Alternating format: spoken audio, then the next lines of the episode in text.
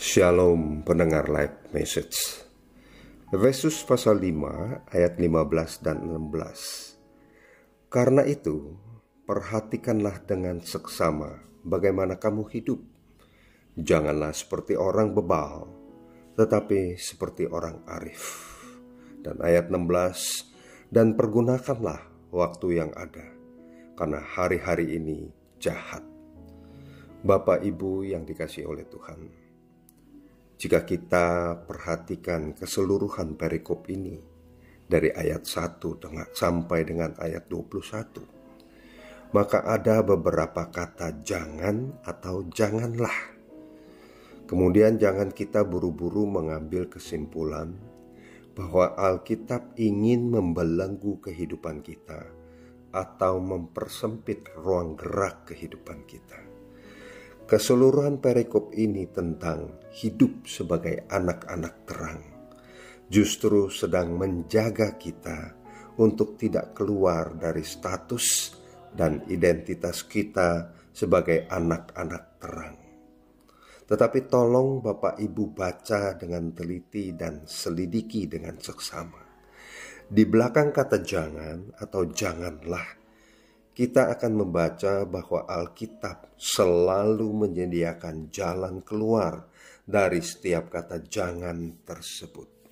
Beda dengan dunia, dunia hanya bisa menyatakan "jangan berbuat ini, jangan berbuat itu", tetapi tidak memberikan suatu jalan keluar. Dan kita bersyukur Alkitab kita ini menyediakan jalan keluar bagi setiap kata "jangan" atau larangan ini. Nah, sebagai contoh di dalam kehidupan sehari-hari misalnya, sering kali di dalam berlalu lintas kita temui jalan one way atau satu arah. Sehingga untuk mencapai suatu tempat tujuan, kita harus berputar sedikit lebih jauh. Apakah ada gunanya? Tentu ada gunanya. Tujuannya adalah agar jalan itu tidak menjadi macet dan kalau tidak macet, keuntungannya tentu akan membuat kita semua pengguna jalan merasa nyaman.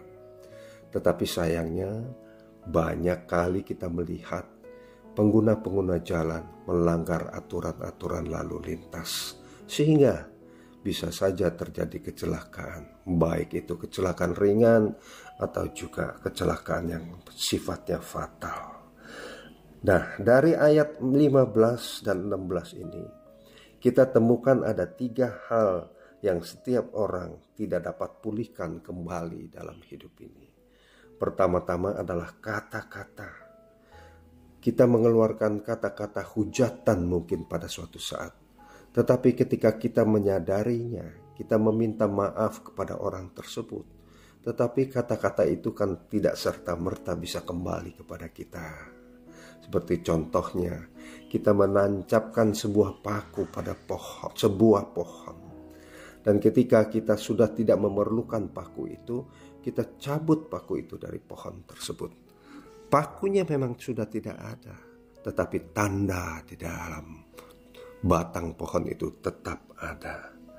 Nah, yang kedua yang tidak bisa kembali dalam kehidupan kita adalah kesempatan Seringkali kita melewatkan kesempatan untuk berbuat baik demi nama Tuhan. Nah, jikalau kesempatan ini terlewatkan, maka tidak bisa kembali kesempatan ini. Yang ketiga adalah waktu. Waktu itu terus berjalan. Hari ini dan hari esok tentu punya tanggung jawab sendiri-sendiri dan kita harus mempertanggungjawabkan waktu yang kita miliki yang datang daripada Tuhan. Sehingga waktu ini kita pakai secara maksimal untuk melayani Tuhan.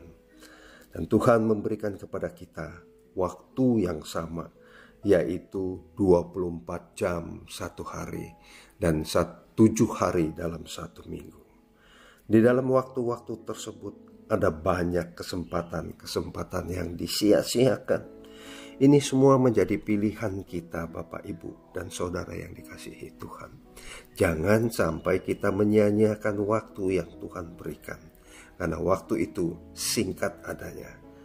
Ada begitu banyak kata andai atau jika yang mengawali setiap penyesalan.